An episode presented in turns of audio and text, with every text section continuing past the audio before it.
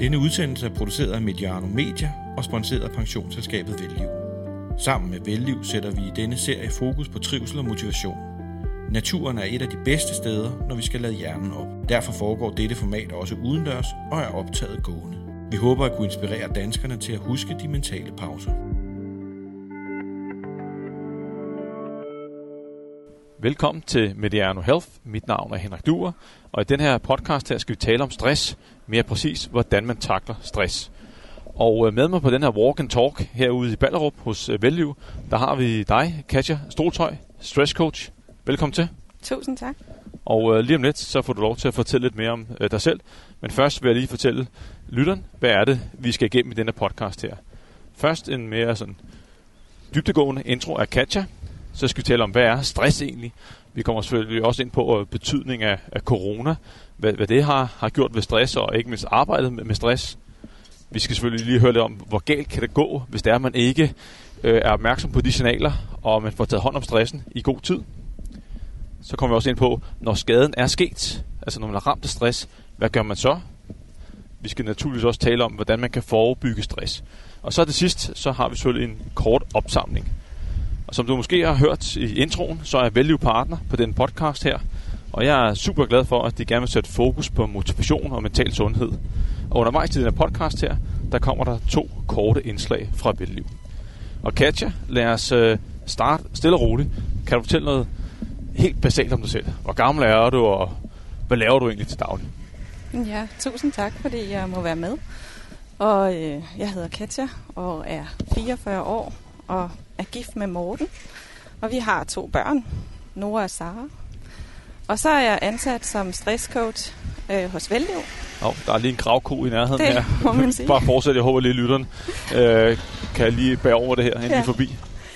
Ja, så er jeg ansat som stresscoach, hvor vi har øh, vores kunder i forløb, øh, så vi kan hjælpe dem tilbage til en balance og tilbage på arbejdsmarkedet igen. Og så har jeg min egen virksomhed ved siden af, hvor jeg hjælper med hverdagsstress. Og øh, hvordan øh, kom du egentlig i gang med arbejdet som, som stress coach? Har du altid gjort det, eller har du lavet noget andet før? Jeg har været i forsikringsbranchen i 25 år, og øh, i øh, stort set alle årene, der har jeg arbejdet med mennesker, der har været fraværende og sygemeldt for et arbejdsmarked, men ikke som stresscoach. Det er noget, jeg har gjort her i 8 år. Og øh, ja, så har jeg været øh, leder i nogle år før det. Og så har jeg arbejdet som skadesbehandler i forsikringsbranchen. Ja, og, hvordan endte du så op med at arbejde med, med stress? Jeg synes egentlig, at det var på en eller anden måde, at det sådan nærmest det, der har valgt mig, synes jeg. At jeg har i starten, kan jeg huske, da jeg var skadesbehandler, og alle vores kunder, der blev sygemeldt med stress, at det var bare total afmagt, og,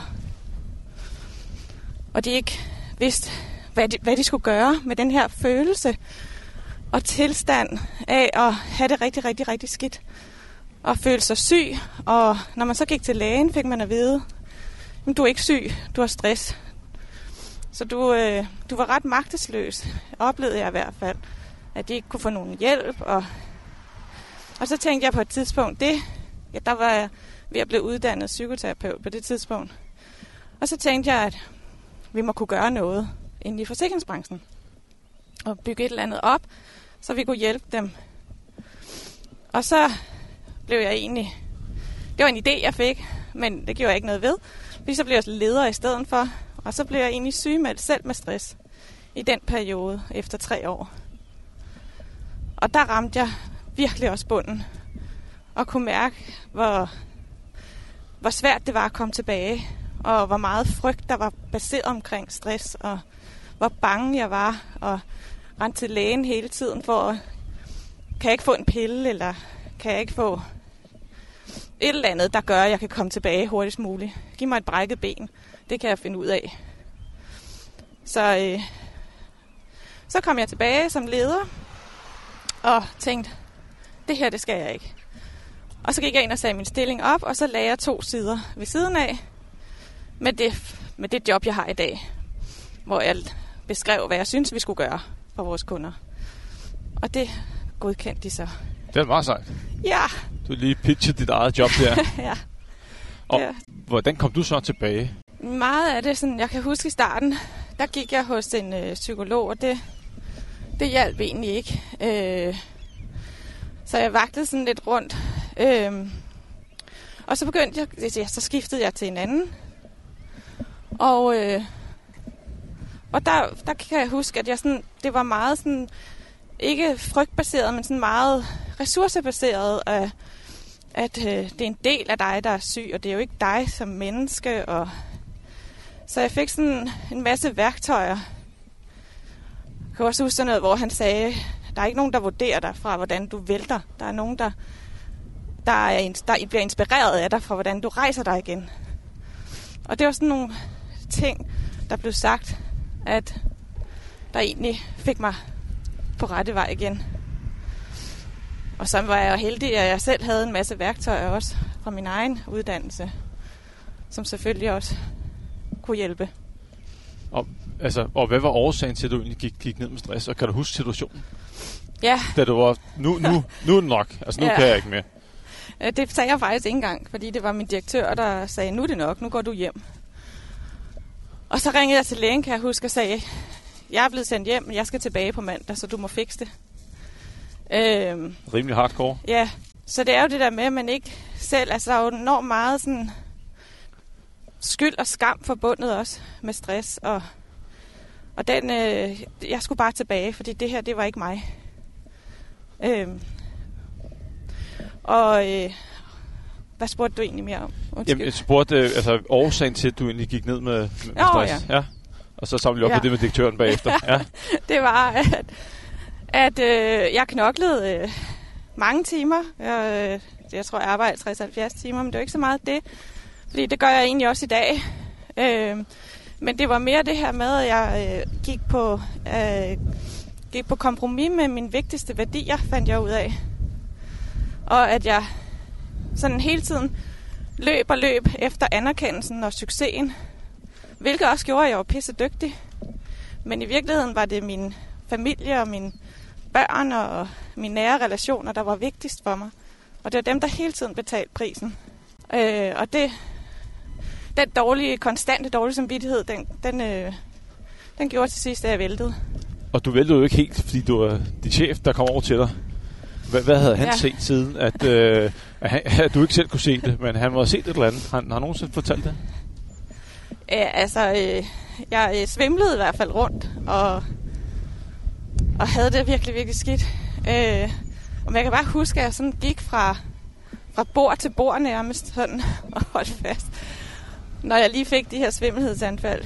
Øh, men, øh, men jeg fortsatte. Øh, og så tror jeg, vi var til et møde. Det var med det var min direktør, direktør på det tidspunkt, ja, som, som så mig til et møde. Så tror jeg, bagefter hun gik ned til min chef og sagde, hvad, øh, hvad er der lige med Katja? Jeg ved ikke, hvad hun havde observeret, men jeg har jo nok været fraværende, tænker jeg. Og, Og så, hvis du også var ved at vælte øh, rundt i mødelokalet. Så, jeg har slet ikke tænkt på, hvordan jeg har set ud, nej. men øh, ja, så hun tog fat i mig og sagde, at hun synes, jeg skulle køre hjem. Og så kunne jeg godt se, at jeg havde det skidt. og det var ligesom, at man kan sige, det var ligesom, i sidste ende var det jo startskuddet til der, hvor du er i dag. Ja, Og øh, når du arbejder med, med, sådan, med, med stress, øh, stress som stresscoach, hvordan ser sådan en, en normal arbejdsuge ud for dig? jeg... Øh, Kommer der lidt mere arbejde Ja, bare rundt, så de bygger over det hele herude. Nå, Ja. ja. men hvordan ser sådan en normal arbejdsdag ud? Normalt er jeg ude på kontoret eller inde på kontoret om mandagen og klargøre og lave det administrative og øh, snakke med alle mine gode kollegaer, som jo også visiterer alle kunderne til mig, og de, hvis de har spørgsmål og evaluerer, og så har jeg møde med min egen chef, statusmøde, og, og øh, så har vi nogle andre møder der. Og så tirsdag og torsdag, der underviser jeg. Så er jeg normalt i Jylland om tirsdagen. Og hvem underviser du? Vores stresshold, ja. Og stresshold, ja, Det ja, er vores altså, kunder. Så ja. her, her der arbejder du, der er du hånden nede i, Ja, jeg skulle sige, i Ja. suppedagen eller materien og arbejder med ja. det, du brænder for. Ja, tirsdag og torsdag, ikke? Og så onsdag og fredag har jeg også en til en med kunderne. også med de stressramte. Altså det er stress eller stressrelateret angst og depression, som er dem, jeg arbejder med. Og hvor, hvor lang tid øh, er, er du så med dem i, i et forløb? Altså, fordi Ja. jeg kan regne ud, du, du har nogle stykker øh, Mm.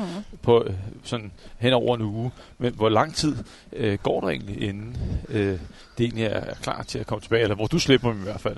Ja, altså dem vi har på hold, som er på stresshold, der er de 10 på et hold, og der er de sammen i tre måneder.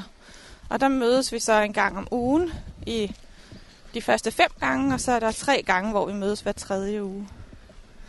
Og der, øh, der sker der bare virkelig meget. Øh, og vi plejer sådan at spørge dem før, øh, hvor tæt, øh, altså hvor din parathed til restmeldinger, der plejer, altså der er 6% før de kommer i forløb, de er tæt på en restmelding.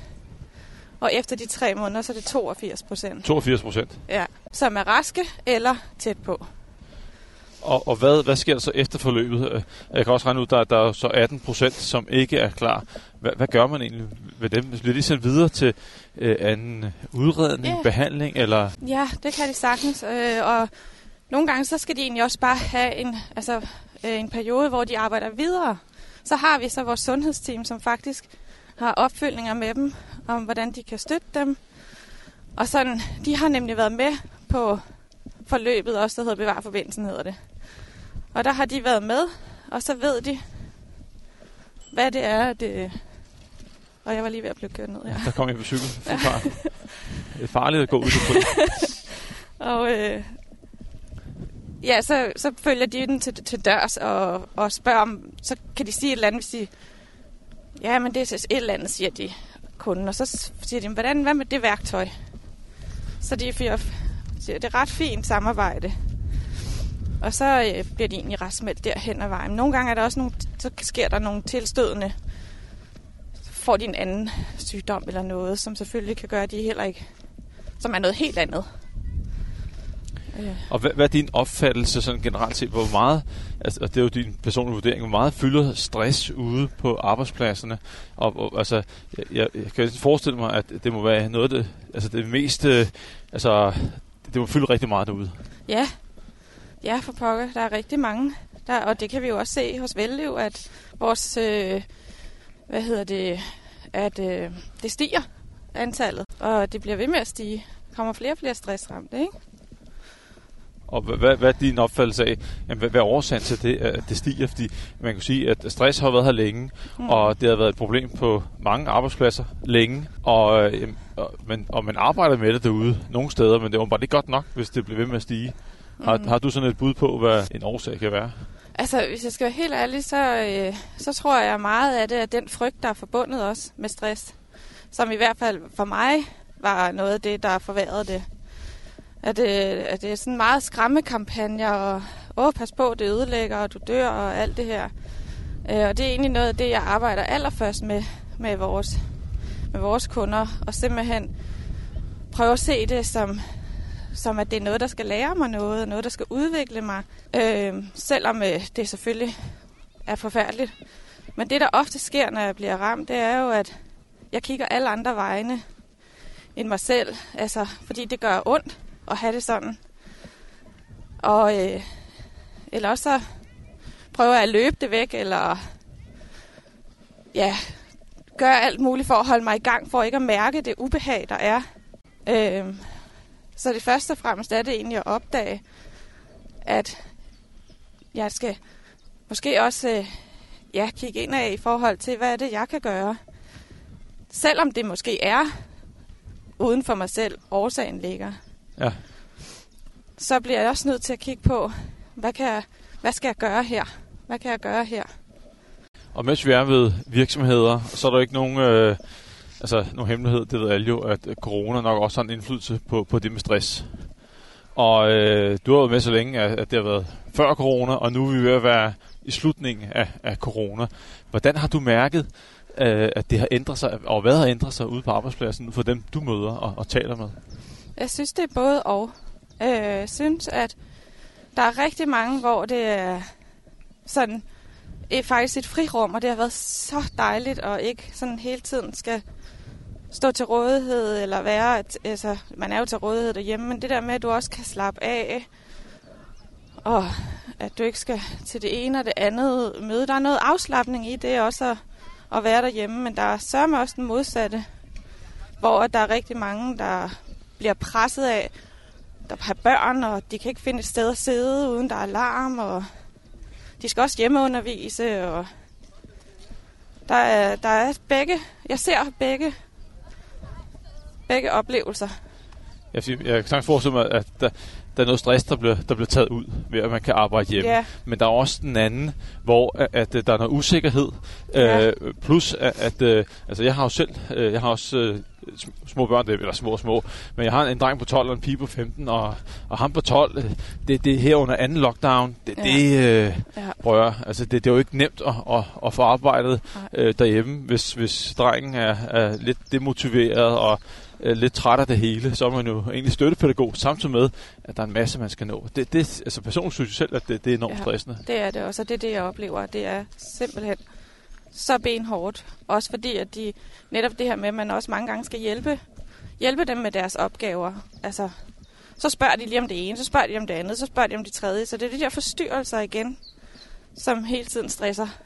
Og jeg er glad for, at du siger det, fordi det har jeg oplevet så mange gange. Jeg tænker, at det også, øh, hvad skal jeg sige, selvfølgelig er det forstyrrende, men det kan også stresse. Ja. Ja, Jeg ved ikke, hvor mange gange jeg har spurgt til matematik, eksempelvis. Ja, fordi der er ikke nogen, øh, min søn kan spørge, jamen så er far, ja, og så sidder man lige midt i et eller andet. Ej, ja, så, og det er helt sikkert virkelig pressen.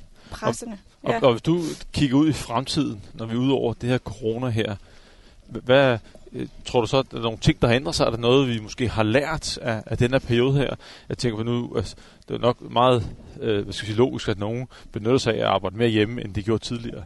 Og er det noget, du egentlig tænker ud i fremtiden, at det, kan også have, være et redskab til skal jeg sige, stresshåndtering, reducering af stress, at man har muligheden for at arbejde hjemme? Ja, det håber jeg virkelig på. Jeg håber virkelig, at det her det har været gaven og læringen i, at, at det bliver meget mere fleksibelt, og at det er muligt, hvis jeg har brug for at være hjemme en dag, så kan jeg stadig tilgå nogle møder online.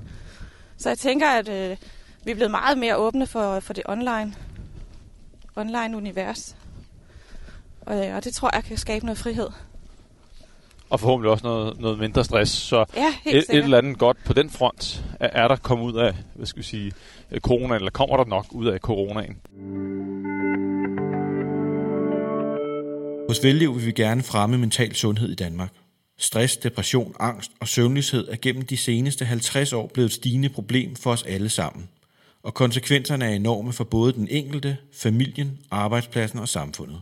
Derfor er Velliv og Danmarks Idrætsforbund gået sammen om at hylde både de små og store sejre.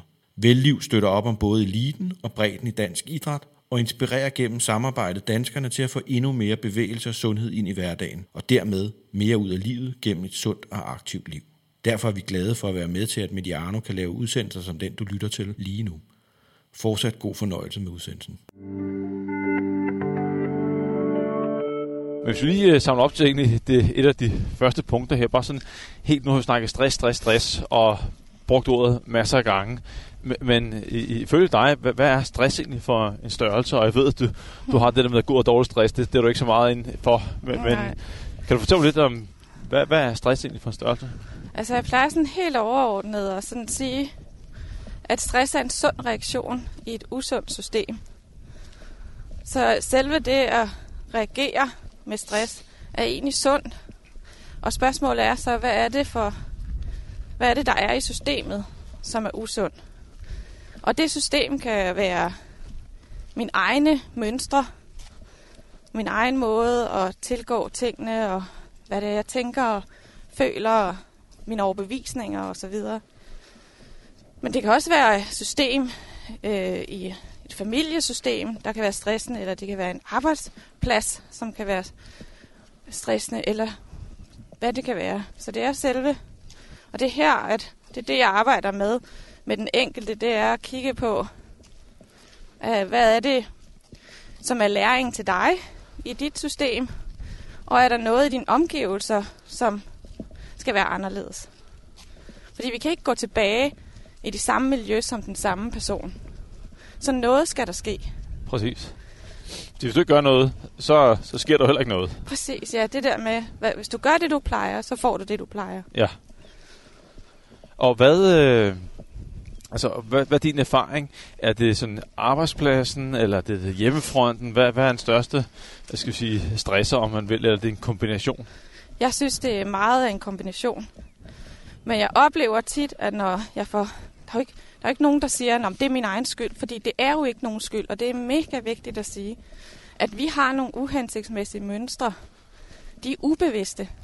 Så der er ikke nogen, der gør noget for at blive syge eller få stress. Øhm. Og det, det er det første, vi skal have fjernet. Det er den skyldfølelse. Og, øh, og så derfra, når den er væk, så er der stadig noget, jeg kan lære, som jeg synes er gaverne i det, jeg blev og, øh, og få stress. Jeg plejer at sige, at stress er gaven i mega, mega grimt indpakningspapir. Og det er indpakningspapiret, jeg først skal igennem og finde ud af, hvad handler det om, og så kan jeg komme ind til gaverne.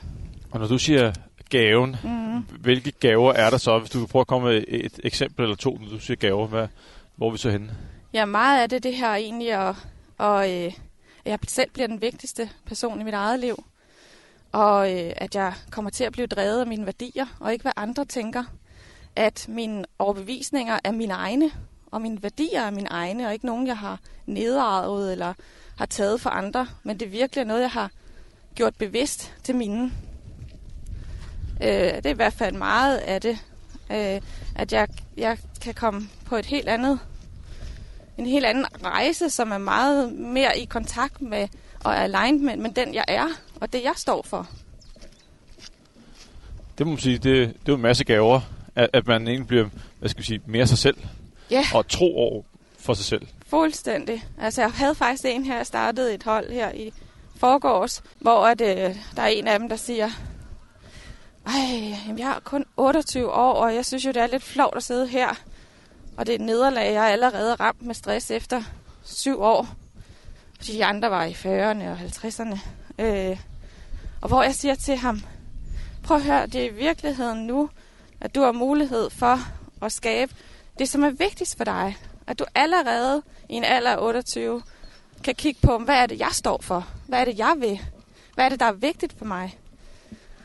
Og lige nu identificerer du dig rigtig meget med dit arbejde, og det skal du vide, og når du identificerer dig med dit arbejde, så kan det også påvirke dit selvværd. Fordi ens arbejde er ikke min identitet. Det, skal, det er noget værdisæt og noget adfærd og noget evner og færdigheder. Og så kan jeg gå ind der og kigge på, er jeg så den, jeg vil være i forhold til mine værdier, og handler jeg så ud for det?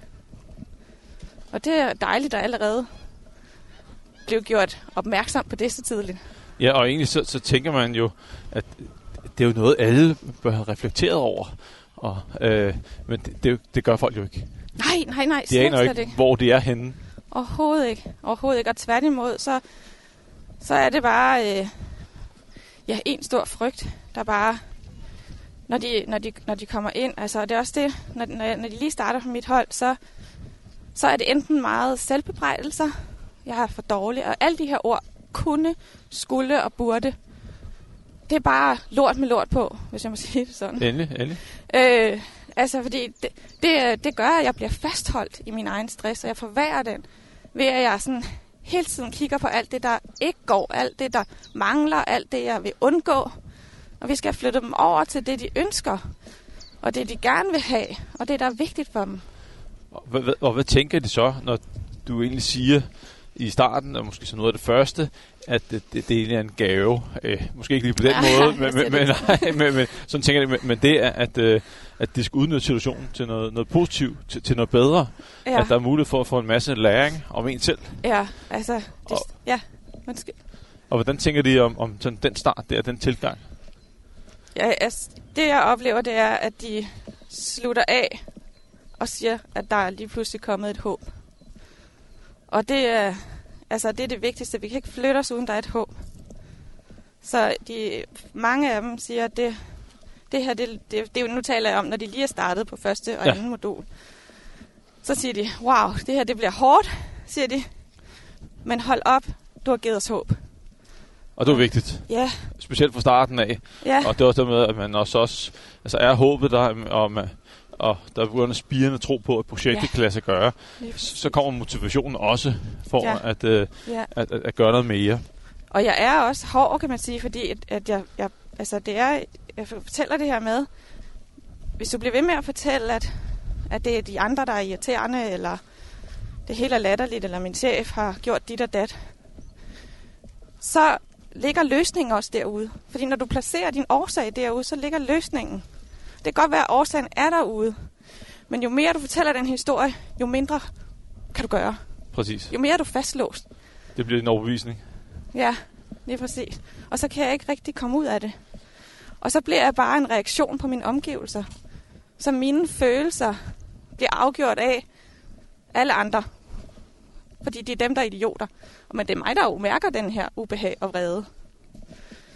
Så jeg bliver en reaktion på min, mine omgivelser og andre mennesker. Og det, har jeg, det er ikke det, jeg har lyst til.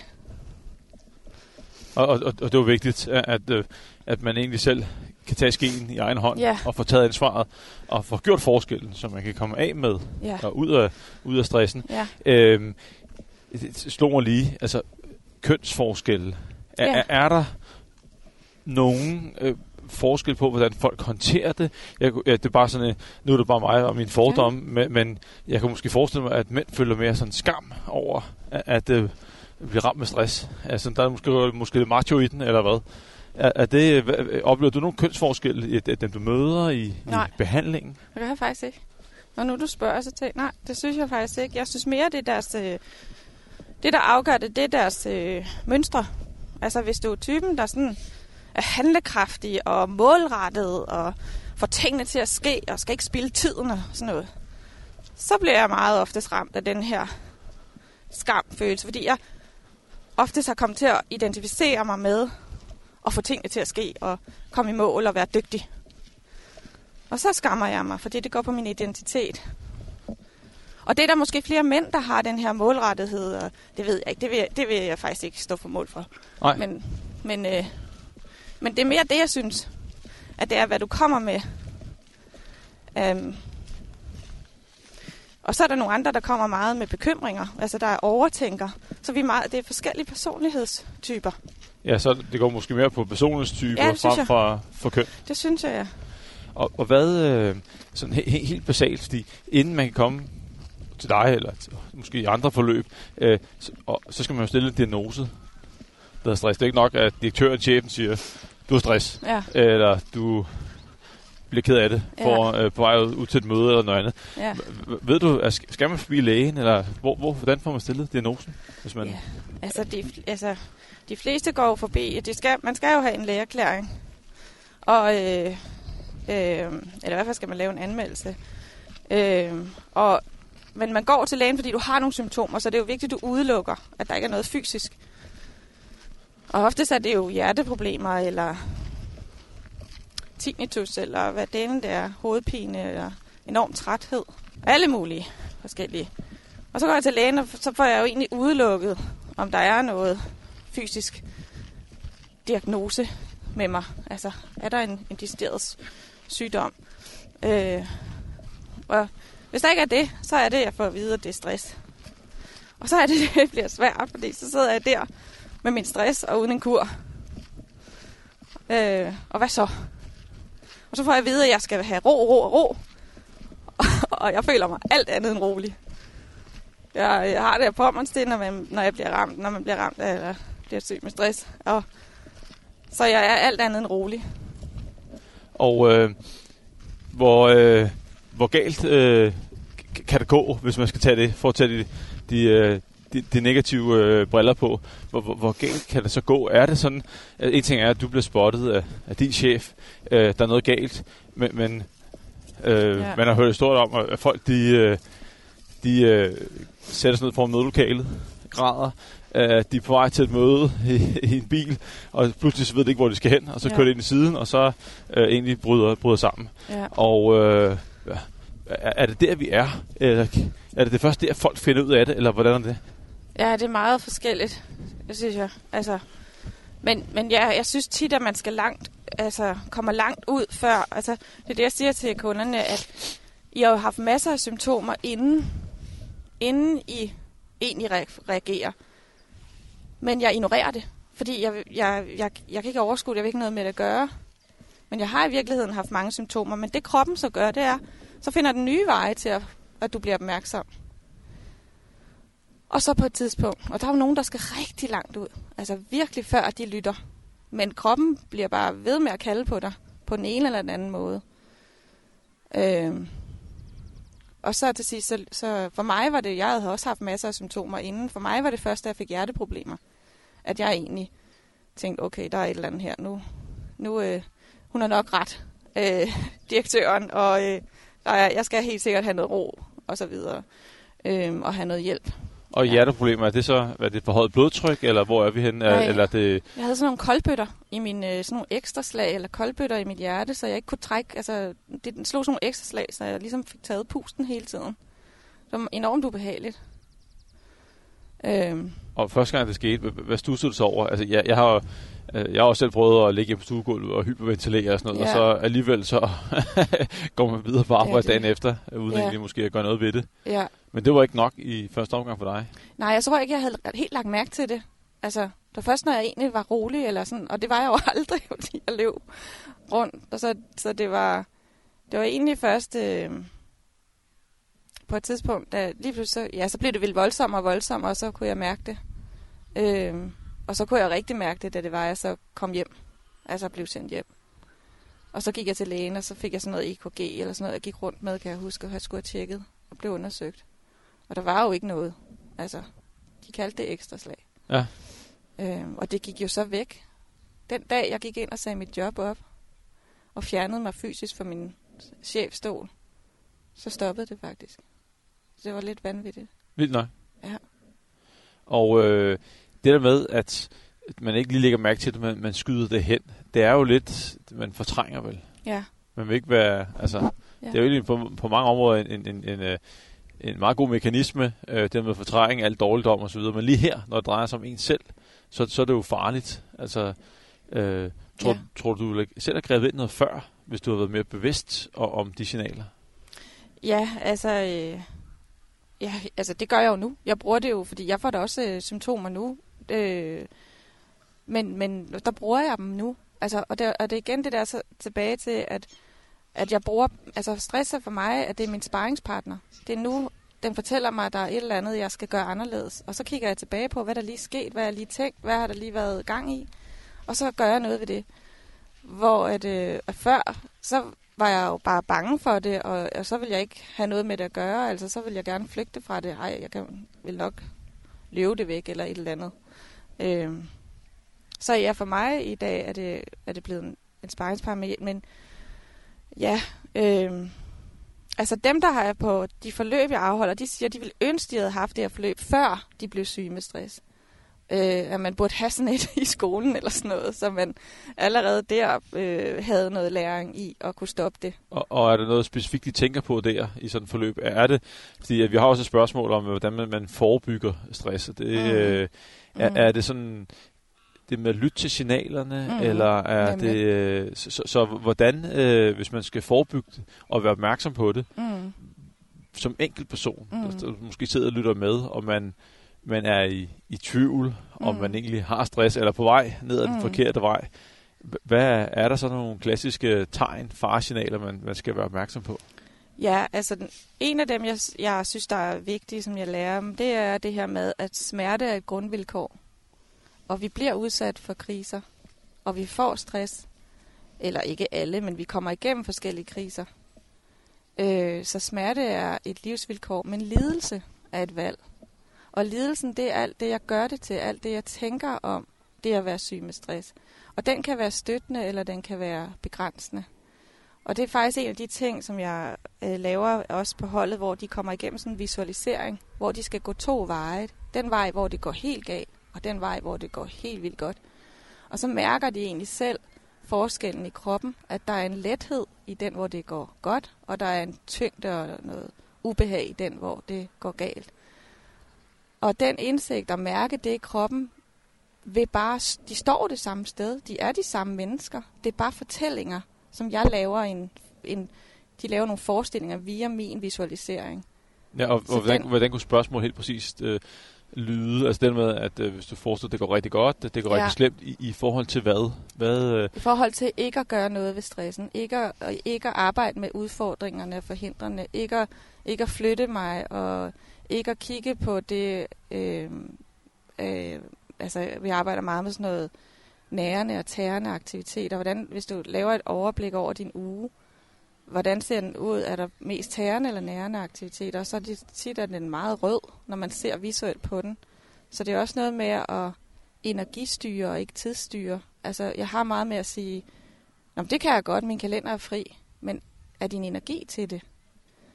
Så det der med at mærke efter igen, og få en kontakt til mig selv, og egentlig blive bevidst om, hvad jeg, hvad jeg har lyst til, og ikke bare fordi min kalender er ledig, så siger jeg ja og nærende og, og drænende, det giver Mm. selvfølgelig god mening, fordi Mm. hvis det bare dræner ens energi, Mm. motivation, så er der ikke så meget hvad skal jeg sige, overskud på, på kontoen. Mm. Men vi kan jo ikke undgå, at der er jo ikke nogen, der har et job, hvor der ikke er noget drænende. En lille Mm. smule i. Men Ja, Findes der nogle tommelfingerregler for, hvor meget, hvor meget Mm. rødt skal der være? det kommer Øh, an på din energi, vil jeg sige. For jo mere du er fyldt op af det, der fylder alarmer, jo mindre energi har du. Men meget af det, du kan gøre med, med det, der er rødt, altså det, der dræner dig, det er meget af det, du skal prøve at lægge mærke til, hvad du tænker om det. Fordi der kan du tage rigtig meget af din dårlige energi. og, altså- og mener du med, med at tænke om, over det? Eller om Ja, det? at jeg har modstand på det, når jeg, når jeg ønsker, at det skal være anderledes, eller jeg, jeg øh, har modstand på det, jeg er i gang med, og jeg ikke og begynder hele tiden at fortælle mig selv, bare en madpakke jo, så kan jeg, den tager jo fem minutter, men jeg kan jo bruge 15 timer på at tænke, at jeg overgår ikke den madpakke, så har jeg modstand på den.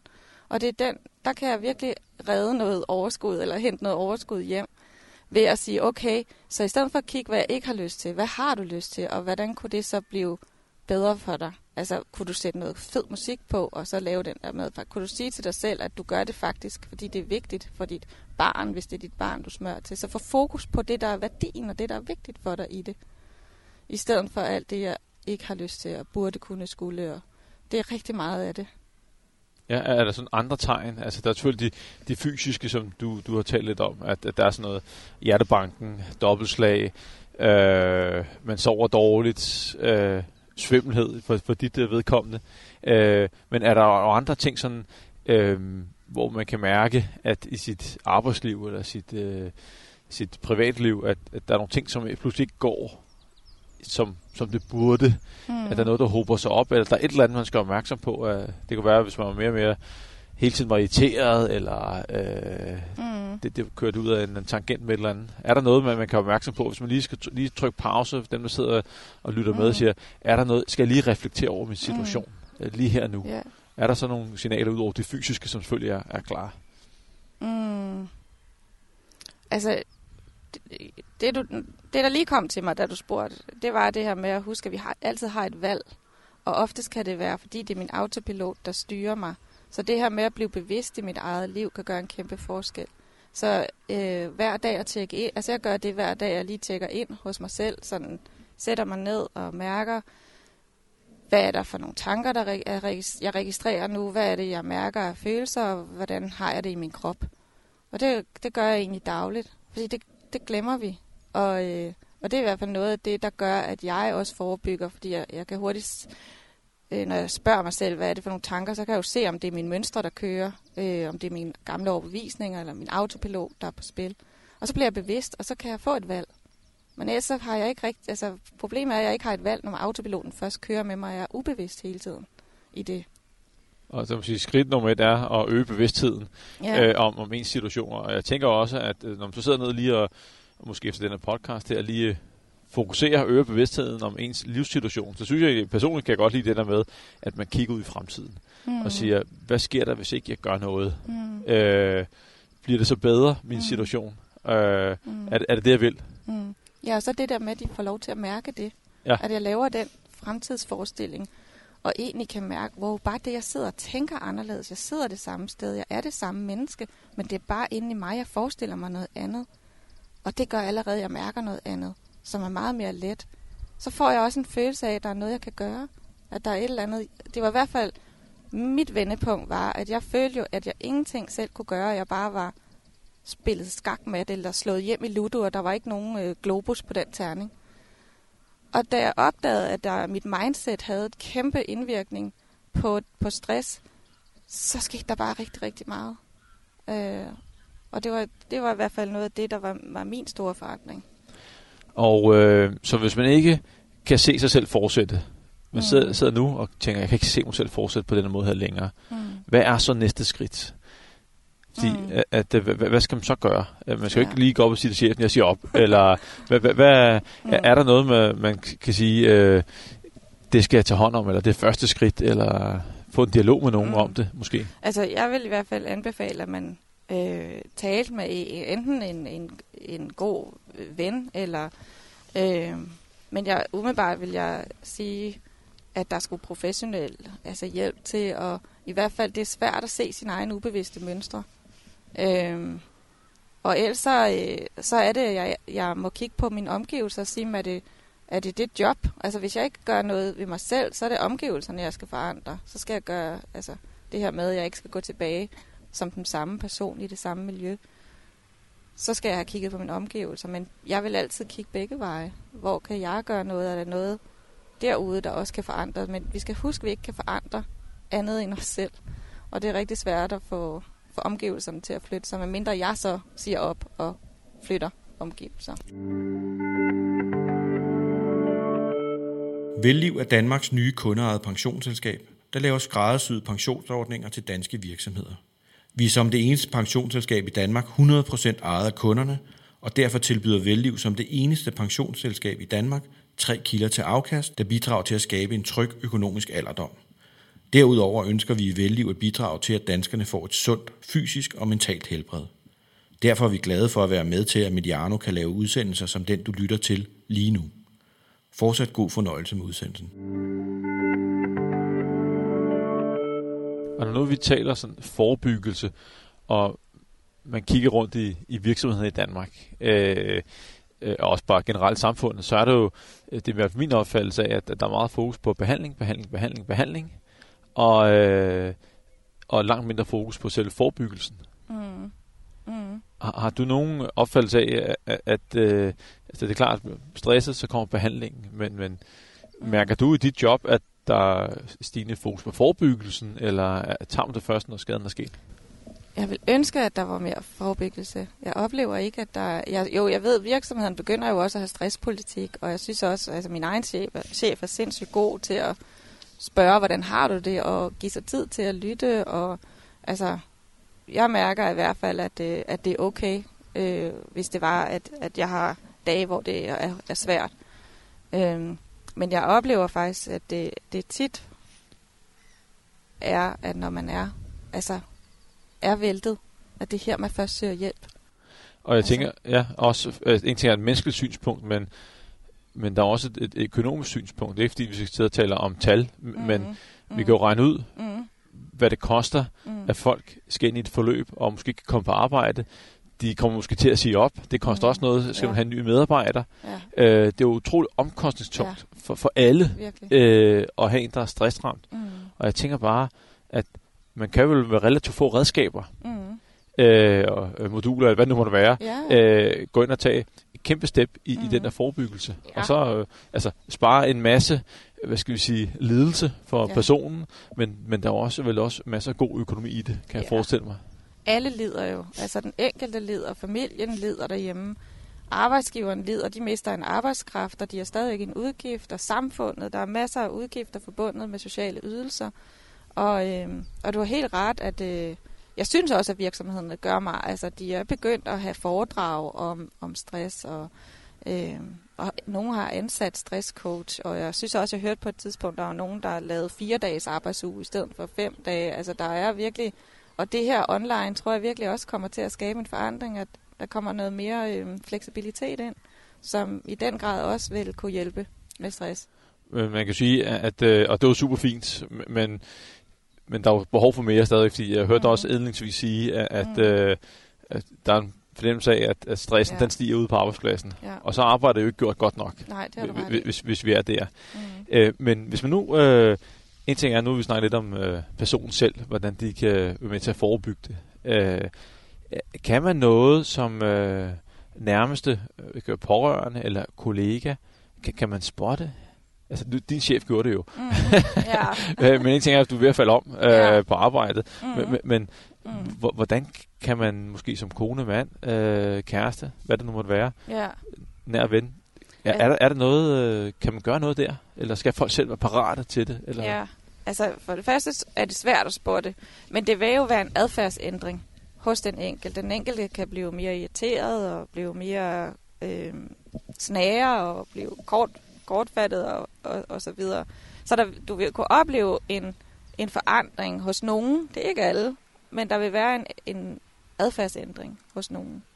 Øh, men, øh, men det vi skal huske, det er, at at der er så meget skyld og skam forbundet med, med stress, så den enkelte vil gøre meget for at skjule det.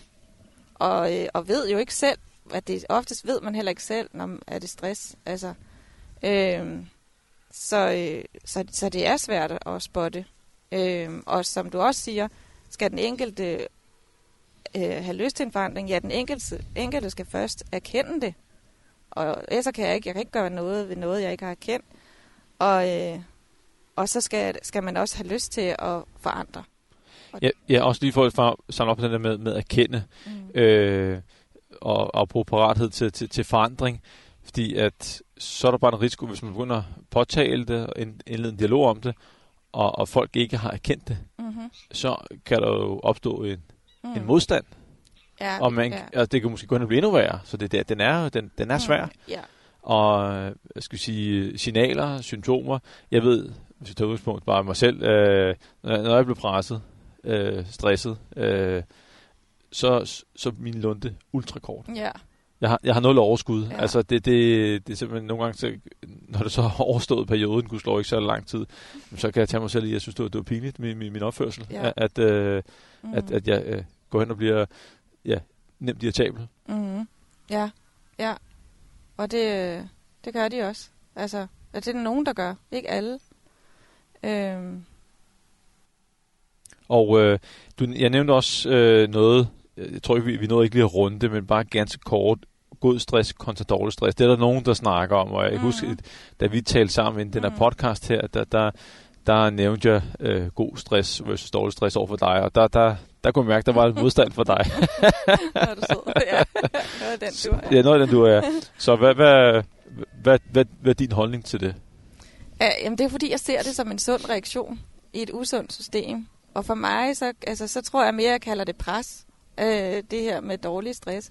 Men det, jeg synes, der er, der, det er, at der, der er igen det her med, det er, hvordan vi forholder os til stressen, der kan være god og dårlig. Men stressen i sig selv er ligesom rumlestriber på en motorvej, hvor du ligesom, når du kører ud på de her rumlestriber, siger du, du, du, du, du, og så bliver du gjort opmærksom på, at den vej skal du ikke, du skal ind igen. Der er noget andet, der skal ske. Ellers så, bliver, så kører du ud over og kører. Så, så, så på den måde er det en sund reaktion om noget, der ikke er sundt. Ja. Altså en usund system. Og hvis vi skal lige forbi det, måske det sidste øh, punkt, sådan overskrift, øh, det er altså, når man bliver ramt, når, når, når skaden er sket, øh, så har man vel fået en diagnose hos lægen, Mm. øh, og så kan man være, at man ryger i noget behandling hos en psykolog, eller et forløb på arbejdspladsen.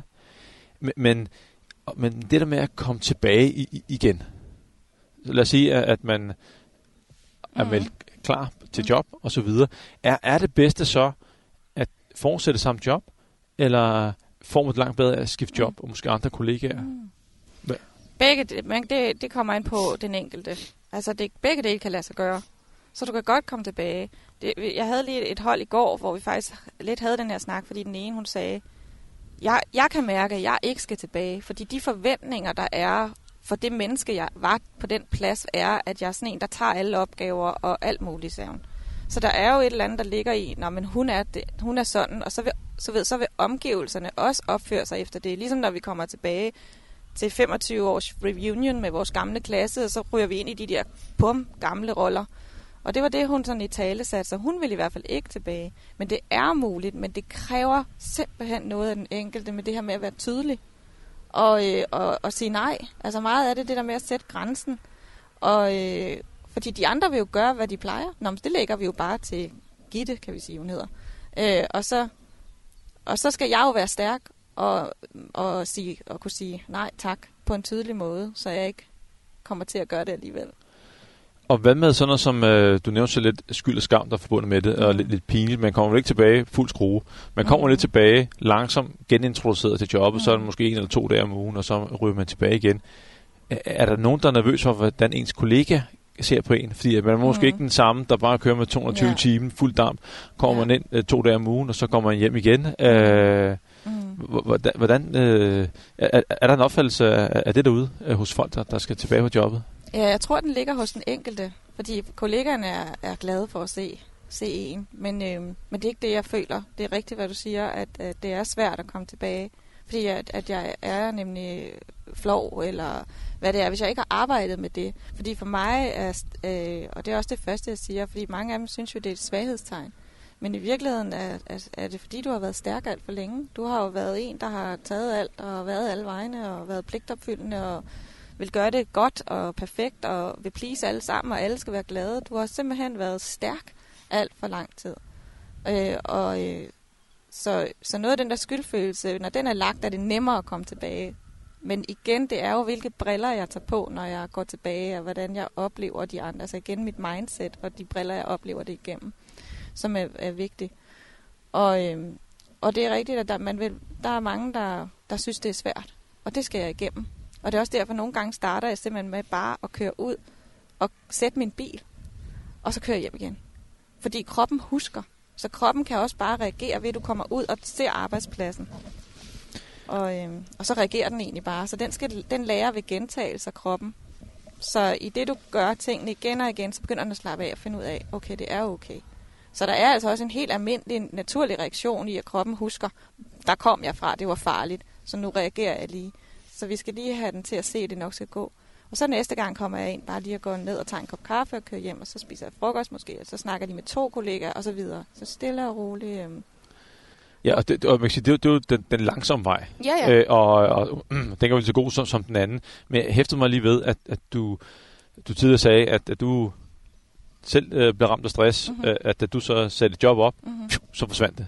Mm-hmm. Øh, jeg, jeg, havde, øh, jeg har en ven, som... Øh, det har de fleste nok, som øh, han, gik, øh, han gik ned med stress, også med, med et brag, og, øh, og, og så stoppede han jobbet. Men, men kort tid efter, så var han øh, næsten som intet var hent, var han i et andet job. Mm. Og det, det, for mig er det lidt, lidt, lidt vildt, mm. at, at øh, man tager ud af, kommer ud af den der kontekst, i omgivelser, mm. Og virkelig, virkelig har det svært, og vi ved, hvad, hvad stress kan gøre ved kroppen, fysisk mm. og, og psykisk. Og så, jeg vil næsten sige, ugen efter, øh, der gik lige længere tid, men, men, men der var han et andet mm. job, som han bare fortsatte ja. i. Så der øh, har været et eller andet i det gamle job, som ikke har fungeret for ham, ikke? Ja. Altså, som ikke har været det pres på samme måde, eller noget, som har trigget ham i det nye job. Og der er jo også mange, det skal jo ikke siges, det, det er jo ikke, der er jo også mange, der faktisk ikke bliver helt fuldt sygemeldte, altså som egentlig stadig er på arbejdet og har en kontakt til. Så det er meget individuelt, hvad der, hvad der virker for den enkelte. Hvad med sådan noget som, øh, og det bliver et af mine sidste spørgsmål her, sådan noget som tilbagefald? Fordi at, at øh, jeg kan godt forestille mig, at man måske er mere sensitiv på en eller anden måde, mm. og måske også at bare når der ligger i, mm. i baghovedet, at man er nervøs, mm. og øh, nu skal man passe på, at man tager udgangspunkt i, i en selv, mm. men, men jeg kan huske, at da, da jeg var mest presset, Øh, og der var også en periode, hvor jeg tænkte, nu, øh, når man har været nede og ligge på gulvet og hyperventilere hjemme i stuen, og uden, uden at have lavet træning først, og jeg begyndte så at sige nej til forskellige opgaver osv. Og, og så egentlig fik jeg lagt ro på, på kalenderen, der var ikke noget, øh, hvad skal vi sige, øh, det var nogenlunde normalt. Men hvis der lige pludselig kom en, en lille pukkel, så kunne jeg bare mærke, at, at der, der var sgu noget, der mm. på, på, på meget kort tid, hvor jeg tænkte, mm. hvad, hvad skete der lige her? Mm. Øh, der kom sådan en lille peak af, yeah. øh, jeg, jeg ved ikke, øh, det er bare min, min personlige historie, men er der noget, du oplever yeah. med tilbagefald og, og sådan ting, og man er mere sensitiv? Ja, altså du har jo et system, der virker, kan man sige. Og, øh, og, og så derfor synes jeg, det, jeg, jeg synes, det er jo der, jeg synes, at det er en gave. Altså, at jeg får de her symptomer, fordi så kan jeg reagere på det. Fordi hvis jeg ikke får dem, og ikke lægger mærke til dem, så er det jo netop, kan lade min autopilot bare køre med mig ubevidst, og så bliver, vælter jeg måske helt igen. Ikke? Men, øh, men, men hvis, du, hvis du bruger dem igen, som at de vil fortælle dig noget, så kan jeg gøre noget andet. Øh, men, men ja, der er, øh, der er altså, jeg tænker det, fordi det er sådan, det skal være, at, øh, at jeg er mere sensitiv, når jeg har været syg med stress i en periode. Og så tror jeg egentlig, det, det går tilbage igen. øh, når jeg har lært det, når, min, når mine nye mønstre er blevet tilrettelagt. Øh, så tror jeg, at så, så øh, har jeg ikke brug for at være så tunet i mit system. Det, jeg, jeg, jeg ser det egentlig som en helt naturlig gang, som er positiv. Yes. Og vi er faktisk ved at være ved vejs ende i, i den her podcast her, og det sidste, vi egentlig mangler, det er egentlig opsamlingen. Mm. Og, øh, og så må du endelig lige byde ind, hvis du mm. synes, at det der, det, det skal vi lige have med, hvis du skulle samle op på det. Men, men hvis jeg lige må starte, mm. så, øh, så synes jeg at øh, noget af det sidste, vi, vi talte om, det, det var forebyggelsen. Og øh, det, jeg tænker, det kan man aldrig få nok af.